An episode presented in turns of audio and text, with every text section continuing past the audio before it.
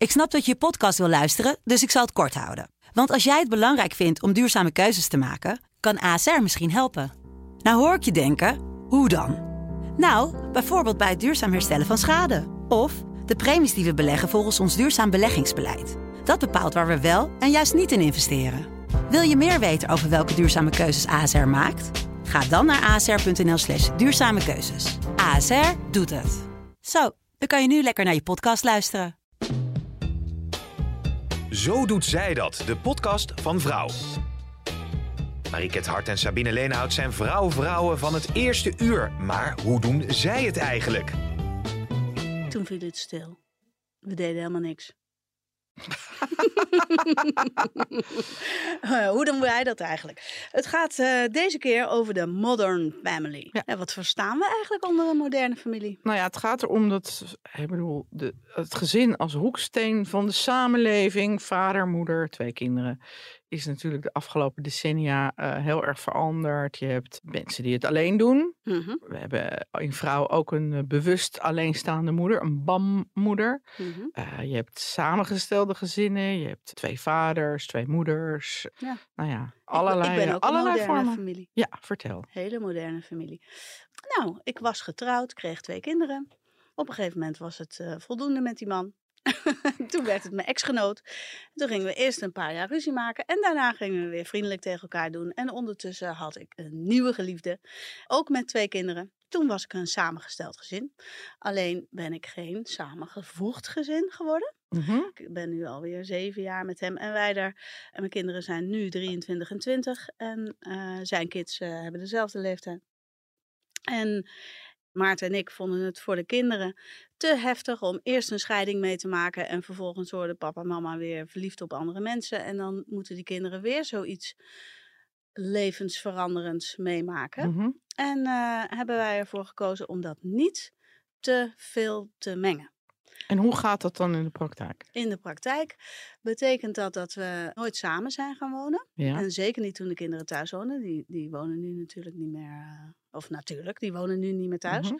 Bobby overigens nog wel half, hè? Want die Ja. is net terug uit Bonaire. En ehm, die is nu nog een jaar thuis, maar slaapt het vaakst eigenlijk bij haar vader. Want die heeft eh, voor haar een lekkerder huis. Mhm. Maar we willen op het moment dat die kinderen echt gezetteld zijn, buiten de deur, dus ook een baan hebben en, eh, en niet meer zo op ons leunen, dan eh, overwegen we om eventueel samen te gaan wonen.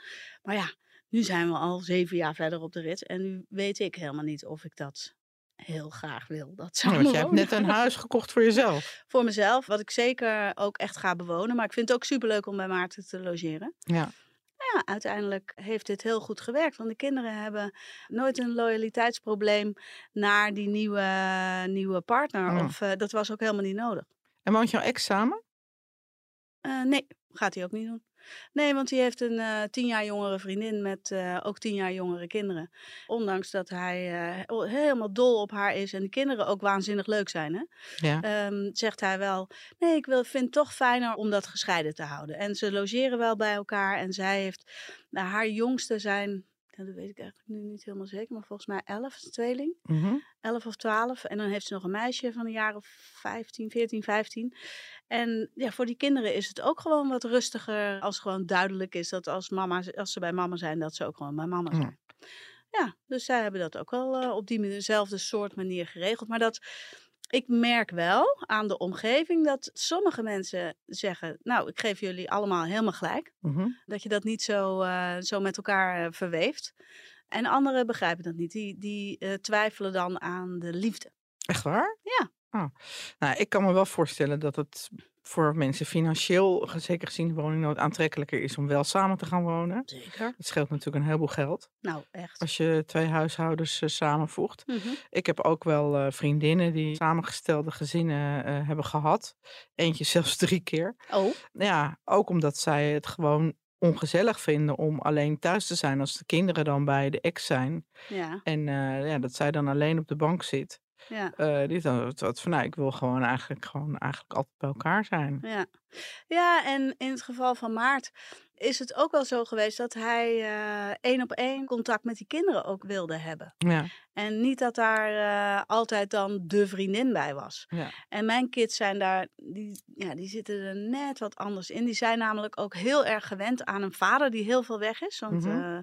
hun vader vliegt voor zijn werk. Dus zij waren al gewend om van de maand dat ze bij mij waren, eh, dat dat eh, twee weken met alleen mij was. ja. Ja, dus zij zitten daar iets anders eh, in. Ook toen Maarten er dan bij kwam, dat ze wel vroegen, ja, kom Maarten dan niet gezellig even eten? Of zij vroegen daar meer om dan dat Maarten zijn kids erom vroegen. En, en dat is nooit tegen mij, hè? Nee. Alleen dat is ook weer een omgeving, kan daar wel dusdanig op reageren. Omdat dus blijkt dat, dat heel veel mensen toch een wat, eh, wat traditionelere eh, ideeën hebben over hoe, eh hoe liefdesrelaties dan zouden moeten Ja. werken en gezinnen.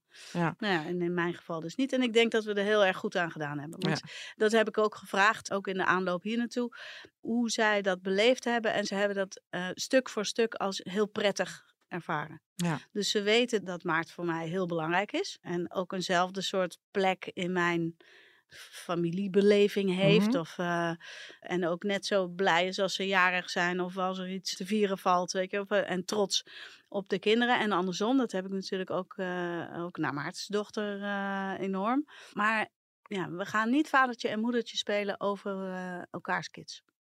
Heel goed. Ja. Nou, ik kom zelf uit een heel eh, traditioneel gezin. Mijn ouders zijn nog steeds bij elkaar. Jeroen en ik zijn al heel lang bij elkaar. Maar Jeroen zijn ouders zijn wel eh, veelvuldig gescheiden, zoals hij dat zelf noemt.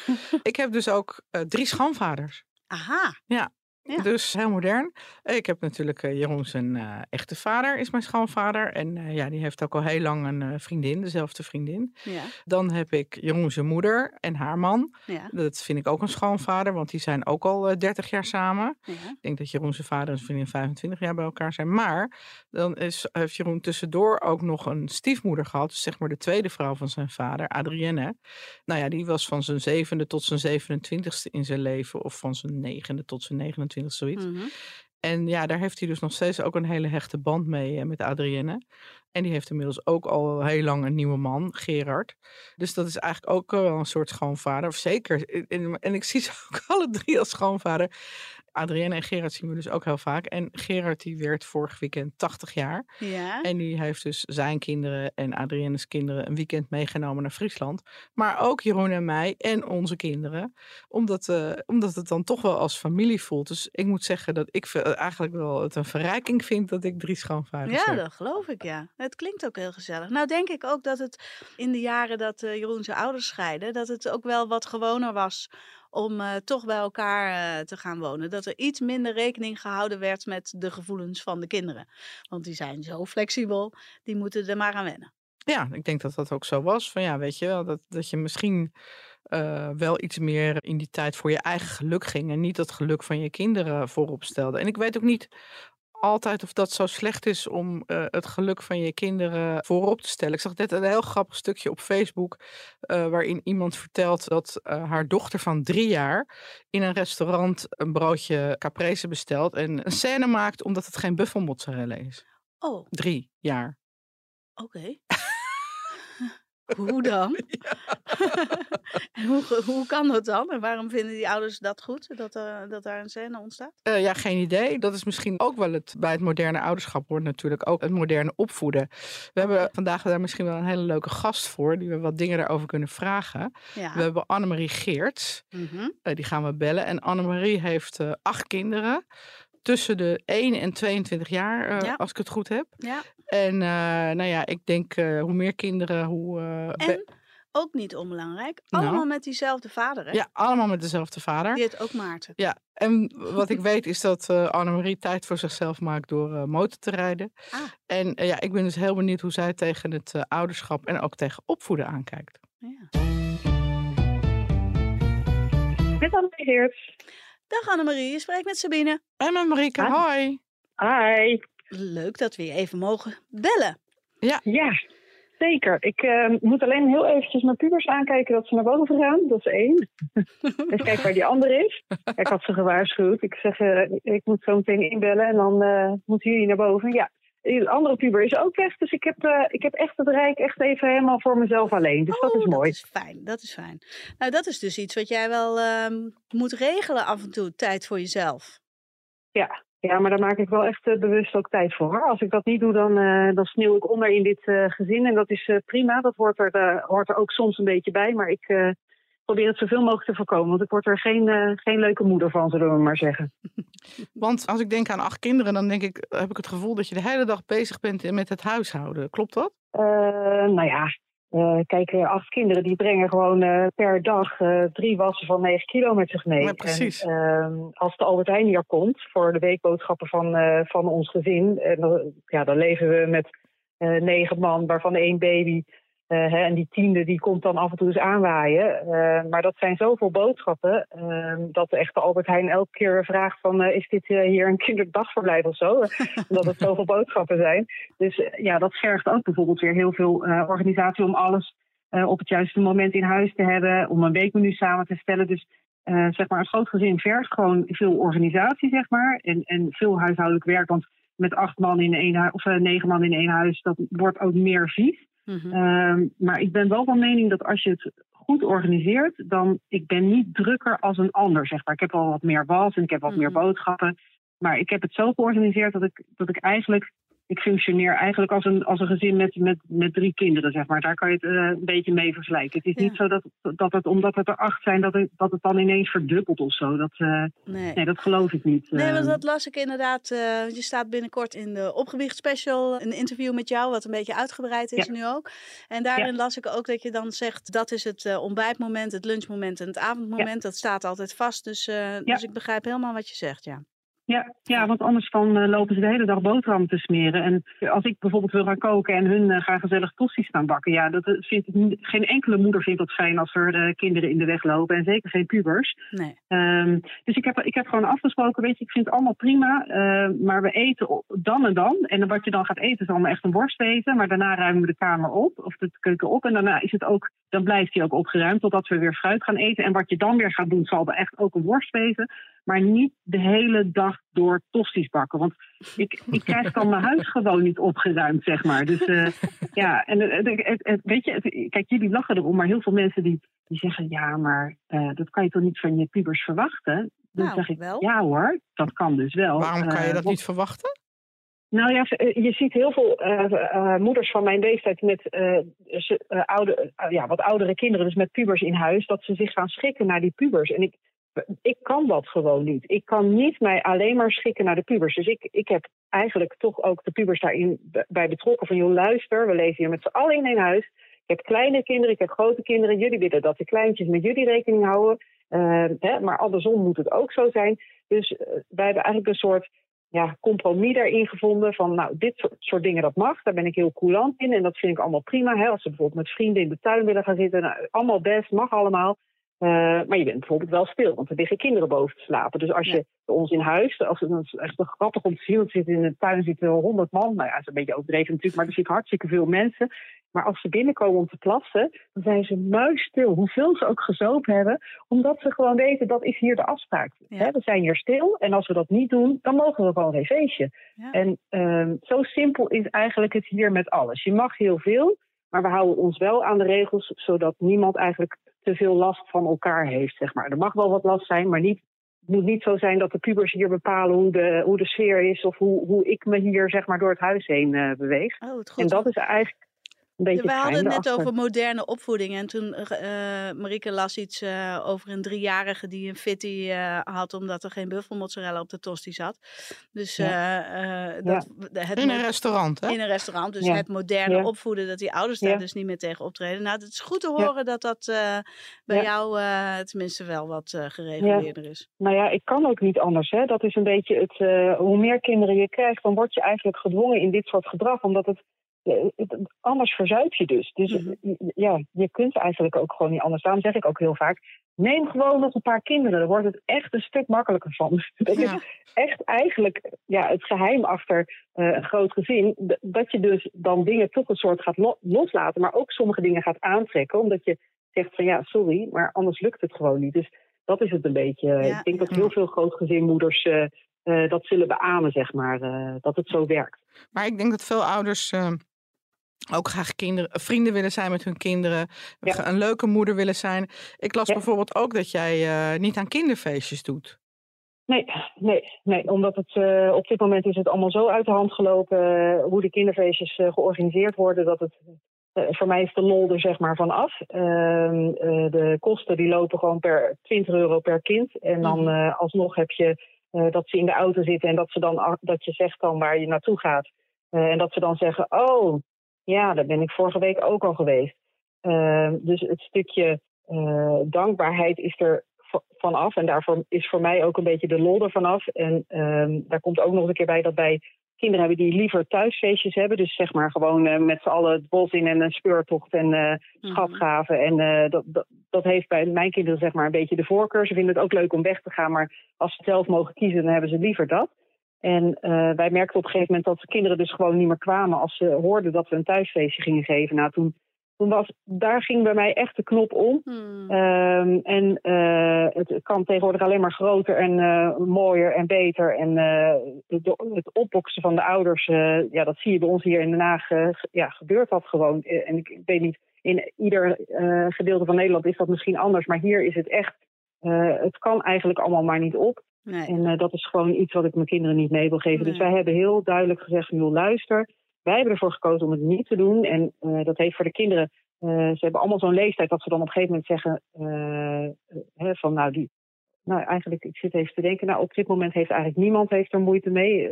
Maar ik heb wel eens de pubers gehad die dan zeiden van... hé, hey, heeft Guus geen feestje? En dan legde ik het uit en dan zeiden ze... ja, ik begrijp het wel, maar ik vind het wel jammer voor Guus. Hè? Ik gun hem Mhm. ook de- het plezier wat die oudste drie hebben gehad. eh, want we hebben ook altijd wel echt leuke partijtjes gehad. Als die thuisfeestjes waren met, met ridderfeestjes hadden we. En dan eh, hadden, gingen ze zo'n zwaard gingen ze schilderen en eh, uit eh, figuur zagen.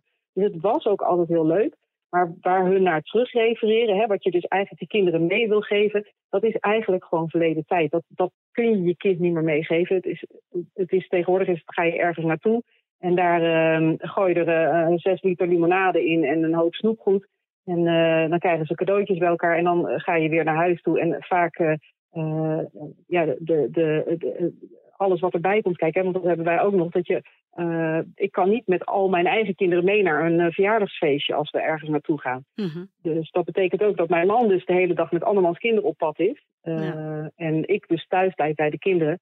Eh, en uiteindelijk, ja, mijn kinderen hebben dat weggaan. Dat vinden ze niet eens zo heel erg leuk. Ze hebben liever dat ze gewoon thuis blijven. Maar ja, dat wordt dus tegenwoordig niet meer, eh, dat is niet meer leuk. Niet dus meer daar eh, was voor mij de, de grens. Ja. Ja. ja. Hey, en nou, nou eh, ehm, zei je ook dat er best wel wat veroordeling is over dit hele grote gezin. Je, je bent veelvuldig op televisie geweest ook. Ehm, eh, merk je daar nog wat van? Ja, kijk, mensen hebben een bepaalde mening over je. Eh, het programma waar wij natuurlijk in zijn geweest, dat, eh, ja, dat het was natuurlijk logisch dat ze, dat ze mensen daarin tegenuit, tegenover elkaar uit gaan zetten en met uiterste. En eh, ja, wij waren, eh, dat betreft maakten wij toch keuzes eh, op financieel gebied die niet ieder gezin zomaar kiest. Ehm, En eh, er waren genoeg mensen die heel lovend over ons waren. Van nou, wat goed hè, dat jullie dus bewust daarvoor kiezen om bepaalde dingen niet te doen of juist dingen wel te doen. Hè? Want eh, bij ons staat het, het is niet zo dat we heel veel dingen niet doen. Nee, we maken andere keuzes Mhm. eh, die we dus wel doen. En daardoor laten we bepaalde dingen omdat we daar niet achter staan. Nee. En eh, dus de, er waren ook heel veel positieve reacties. Maar ja, je zult altijd eh, eh, ja, toch wel mensen hebben die eh, bepaalde vooroordelen überhaupt voor een groot gezin hebben. Hè, dat, dat blijft altijd. Dat betreft, eh, daar kom ik gewoon nooit meer vanaf. Je bent, met een groot gezin ben je gewoon een, eh, een barende natuurramp. En dat zal ik ook altijd blijven. Hè, dat maakt niet uit of ik nou een groene sok word of dat ik vegetarisch word. Uiteindelijk, als, ik, als je zoveel kinderen hebt, dan, dan hangt dat labeltje een beetje aan je. Ehm, maar we hebben gepro- geprobeerd om met dat programma te laten zien dat, dat je ook bepaalde keuzes kunt maken in je financiële plaatje. En, en dat is gewoon echt heel erg goed gelukt. En ja, eh, dat betreft, als je je hoofd eh, boven het maaidek uitsteekt, dan krijg je altijd negativiteit. En dat, ja, dat is ons dit keer natuurlijk ook weer overkomen. En dat kunnen we op dit moment wel heel goed naast ons neerleggen. En dan, dan zeggen we ook van ja, dat, dat is prima. Iedereen heeft zo zijn mening en iedereen doet het op zijn eigen manier. Dus het is goed. Het lijkt me ontzettend gezellig bij jou. Ja, is het ook. Ja. Is het ook. Ja, het ook- is echt, Ja. echt gezellig. Ja, maar wij hebben ook echt wel... Onze kinderen zijn echt maatjes. En dat, dat, dat, ja, dat moet je eigenlijk hier ervaren. Als je hier binnenkomt, dan zie je dat. Die, die, die, vooral die drie oudsten zijn eh, gek met elkaar. Dus die sporten met elkaar, maar die eh, gaan ook eh, regelmatig met elkaar uit. Of ze, eh, ze spreken met elkaar af. Of de oudste, die, is natuurlijk uit de huis en die komt hier regelmatig komt hier even een bakje koffie drinken. Maar er komen ook die grote kinderen komen naar beneden om dat met hen samen te doen. Gewoon puur omdat ze dat gezellig vinden. En, dat, ja, en, en die, die, die hele dynamiek tussen de kleintjes en de grote. Ja, dat is fantastisch om te zien. Als Jim moet oppassen of wil oppassen, eh, omdat wij gaan motorrijden, dan, ja, dan zet hij de, de, de engste griezelfilm, even tussen haakjes, want het is natuurlijk niet eng, maar dat, voor die kleintjes is dat eng. En dan mogen ze koffie meedrinken, dat is dan een, eh, een klein kopje met slagroom. Nou, dat, ja, dat, ik, dat gun je eigenlijk ieder kind, dat Ja, ze zo'n ja. grote broer hebben waar je tegenop kijkt. En als ik tegen de kinderen zeg, Jim komt vanavond oppassen, ja, dan, nou, dan, eh, dan jagen ze me nog net niet de deur uit, omdat ze gewoon eh, zoveel plezier met hun grote broer hebben. En dat, ja, dat is iets Ja. waar ik gewoon als eh, moeder echt wel heel trots op ben. En dat, eh, ja, dat merk je gewoon hier. Dat, dat, Nou. dat voel je. De, de liefde voel je als je hier rondloopt. Ja. Oh, nou, klinkt heerlijk. Ik lijkt denk, me ik mooi. denk afsluit. van, had ik het, waarom heb ik het maar bij twee gelaten? Ja. Nou, jij Nou wilde ja, er eigenlijk ja. wel drie, toch? Marie? Ja, heel gaaf. Ja. Nee. Ja. ik wilde eigenlijk helemaal geen kinderen. Dus eh Oh, dat is betreft, eh, ja, ja. Ja, we kunnen er eh, nog uren over Ja. doorgaan, maar eh, ik denk dat we het vooralsnog even hierbij laten. Superleuk gesprek, Annemarie. Dank je wel. Ja. Ja, nou, graag gedaan. Graag gedaan. en eh, nou, tot een volgende keer, dankjewel. Ja, want dat gezellige waar Ja. zij het over heeft, dat begint, dat is bij mij dan nu aangebroken. Hè? Iedereen heeft, eh, Ja. eh, nou ja, Noah heeft zijn vriendinnen nu weer uitgekinkeld, maar die, die deed, zich ook, eh, deed zich ook een beroerte. Dus iedere keer nieuwe, dat is leuk. En Fleur heeft een heel leuk vriendje en Bobby heeft een Ja. leuk vriendje. En nu kunnen we dus wel meer samen dingen doen, omdat die kinderen volwassener zijn en heel duidelijk aan kunnen geven Ja. of ze wel of niet één op één tijd met papa Ja, of mama dat is willen. super gezellig. En, eh, Shura heeft ook een heel leuk vriendje, ja. die ook heel vaak bij ons is. En eh, dat Ja. vind ik ook heel gezellig. Maar ik mis soms inderdaad wat zij vertelde over al die pubers in de tuin. Dat hadden wij dan ook. Of hele, met z'n allen voetbal kijken Ja, en ja. zo. Ja. En als je zoveel kinderen hebt, dan, ja, dan heb je natuurlijk veel meer aanloop. En dan blijven ze ook, eh, dat dan heb je dan ook veel langer thuiswonende kinderen. Ja, want Annemarie is, is nu 46. 5, 46 jaar. Ja. En die jongste is 1. Ah, en dan die ene jongste 5. Ja. Dus die heeft nog zeker, eh, nou ja, de 10, ja, nog 17 jaar Ja, heeft zij dit. minimaal. Superleuk. En dan komen natuurlijk de kinderen van die oudste, die eh, gaan Ja. natuurlijk ook nog wel. ja, dan wordt zij eh, natuurlijk oma. Ja, Dus zij, blijven altijd, zij blijft altijd een huis vol. ja. ja. Wij moeten haar om de vijf jaar toch even interviewen. Ja, dat Ja. vind ik ook. Ja, dat is leuk. Maar ik denk dat we wel een heel mooi bruggetje hebben naar het taboe. Het zo doet zij dat. Taboe. Nou, het taboe is volgens mij je bemoeien met de opvoeding van de ander. Wat dus bij Annemarie gebeurt. Hè? Mensen bemoeien zich met haar, nou ja, niet eens zozeer met haar opvoeding, maar wel met de- het feit dat zij acht kinderen heeft, Ja. alleen al. Daar Ja. vinden mensen wat van, Ja. heel duidelijk. Ja. Nou, we hebben natuurlijk hele uitzendingen gemaakt over de moedermafia. Die zich ook voortdurend bemoeit met of jij je baby wel of niet in een draagzak doet. Maar ja, het is ook in die moderne families bemoeien met elkaars opvoeding. Nou ja, dat is natuurlijk zo, lijkt me heel lastig met een samengesteld gezin als je allebei anders tegen opvoeden aankijkt. Mhm. Maar eh, wat ik net ook al zei, klink ik een beetje als een boomer. een boomer. Ja. Ook boomer. Nou ja, wat ik net vertelde over die buffelmozzarella. Dat ik, dat ik soms wel eens een beetje met verbazing kijk. Ook wat Annemarie zegt, dat de puber dan in huis eh, eigenlijk alles bepaalt. Ja, Zo van, ik, eh, ik wil gewoon een tosti terwijl we gewoon eh, bijna gaan eten. ja. Dat gebeurde bij mij thuis niet hoor. Nee, zeker niet. Nee, maar dan krijg je, want daar weet ik dan wel weer wat van. In die moderne gezinnen, de samengestelde gezinnen, heb je natuurlijk ook nog een vader die het liefst weinig in de weg legt voor die thuiswonende kinderen, omdat hij bang is dat ze anders bij mama gaan zitten. Nou, spreek, ik spreek wel een beetje uit ervaring. Ik heb dat zelf niet echt gehad, omdat ik eh, toch altijd wel de, de constante factor in de opvoeding was naar mijn eigen kinderen, omdat Andy zoveel weg was. En daardoor was het bij mij sowieso wel wat vaker. Nee, Andy is strenger in de Ja. basis, gewoon als mens wat strenger. Ja. Maar ik was meer de sturende ouder. Dus van mij mochten dingen wel en niet. En eh, eigenlijk mocht er eh, sowieso best wel veel.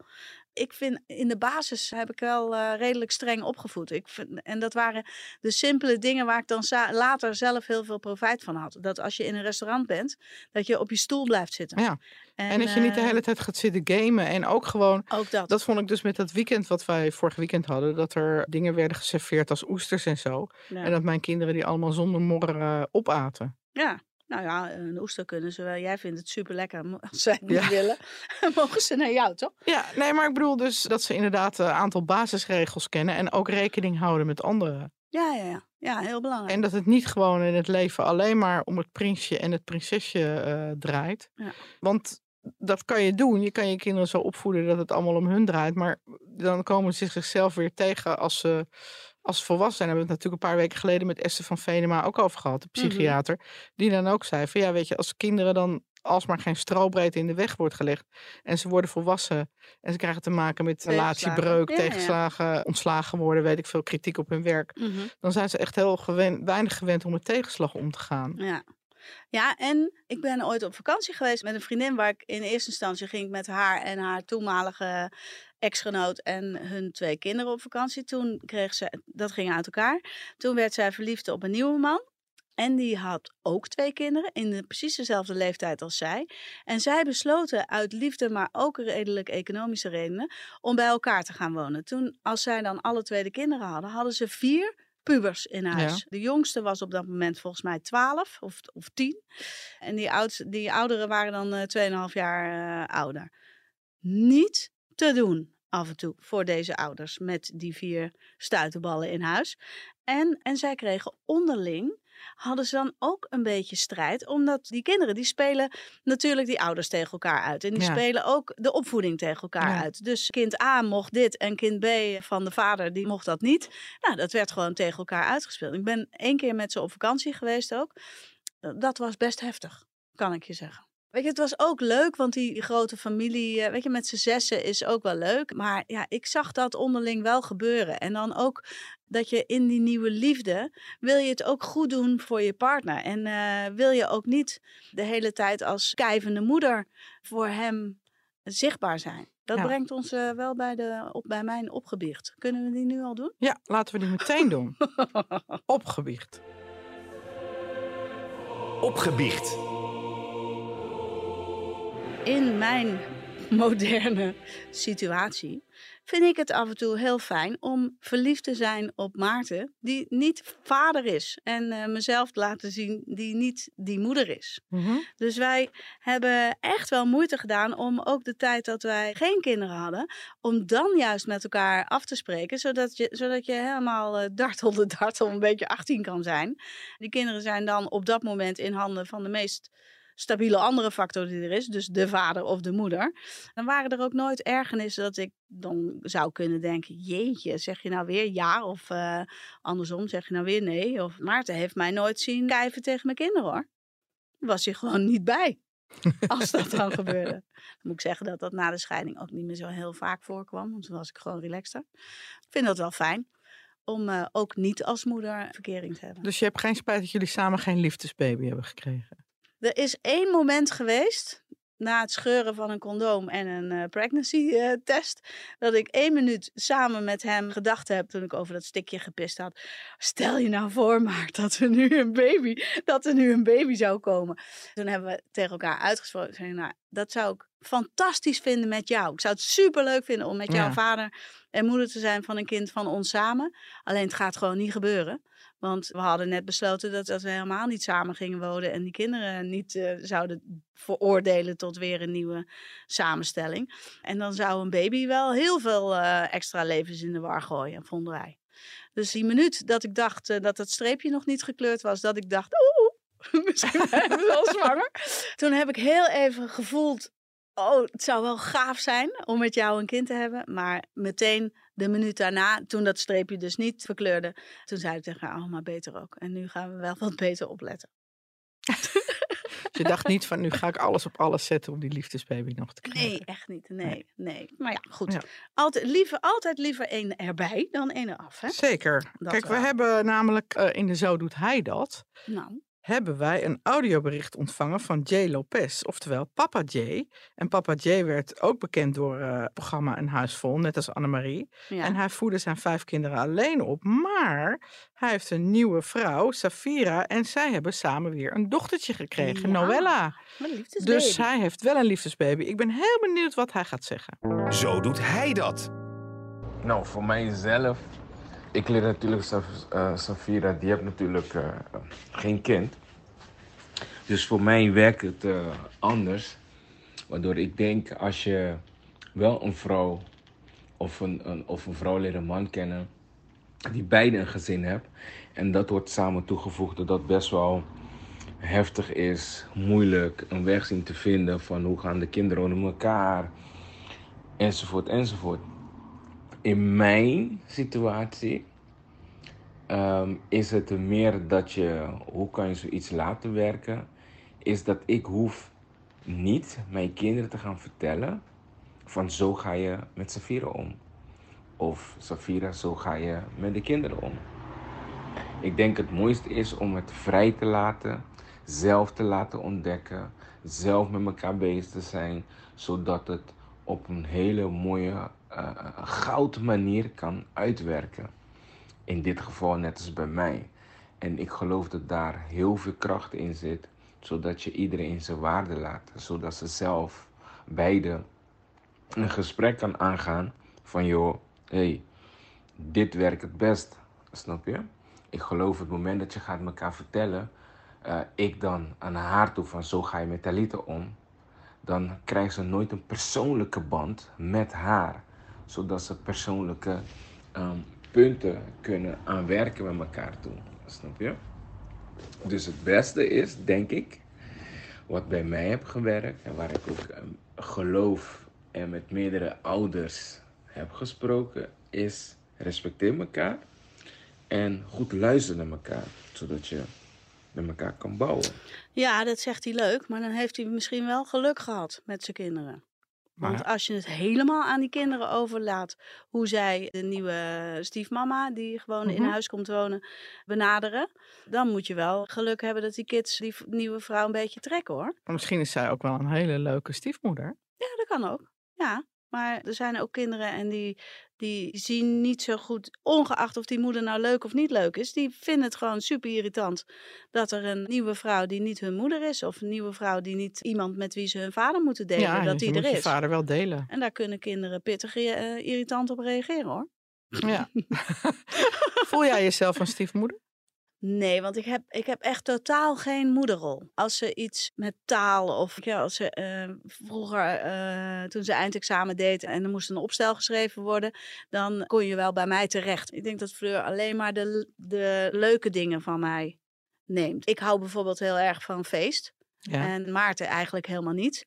Dus dat ik de push dat uh, verjaardagen gevierd worden en dat ook haar verjaardag, dat er ballonnen komen en dat het er uh, picobello uitziet. Ja, dat vindt zij wel leuk. Ja. Dus zij, zij neemt gewoon wat, wat haar goed uitkomt in die hele situatie. Dat neemt ze voor zichzelf mee. En ik denk dat zij, en dat hebben mijn kinderen ook, die vinden het ook leuk dat als zij eigen, hun eigen leven aan het leiden zijn, dat ik het gezellig heb met Maarten. Of uh, dat Maarten het gezellig heeft met mij. Dat ze zich niet schuldig hoeven te voelen omdat ze voor het derde weekend op rij uh, met vriendinnen afspreken ergens. Maar je hebt nooit gehad dat er irritaties waren aan de kersttafel of weet ik veel wat? Nou, da- aan de kersttafel toevallig niet. Want dan ging zij altijd met de familie van de moeder Mhm. naar.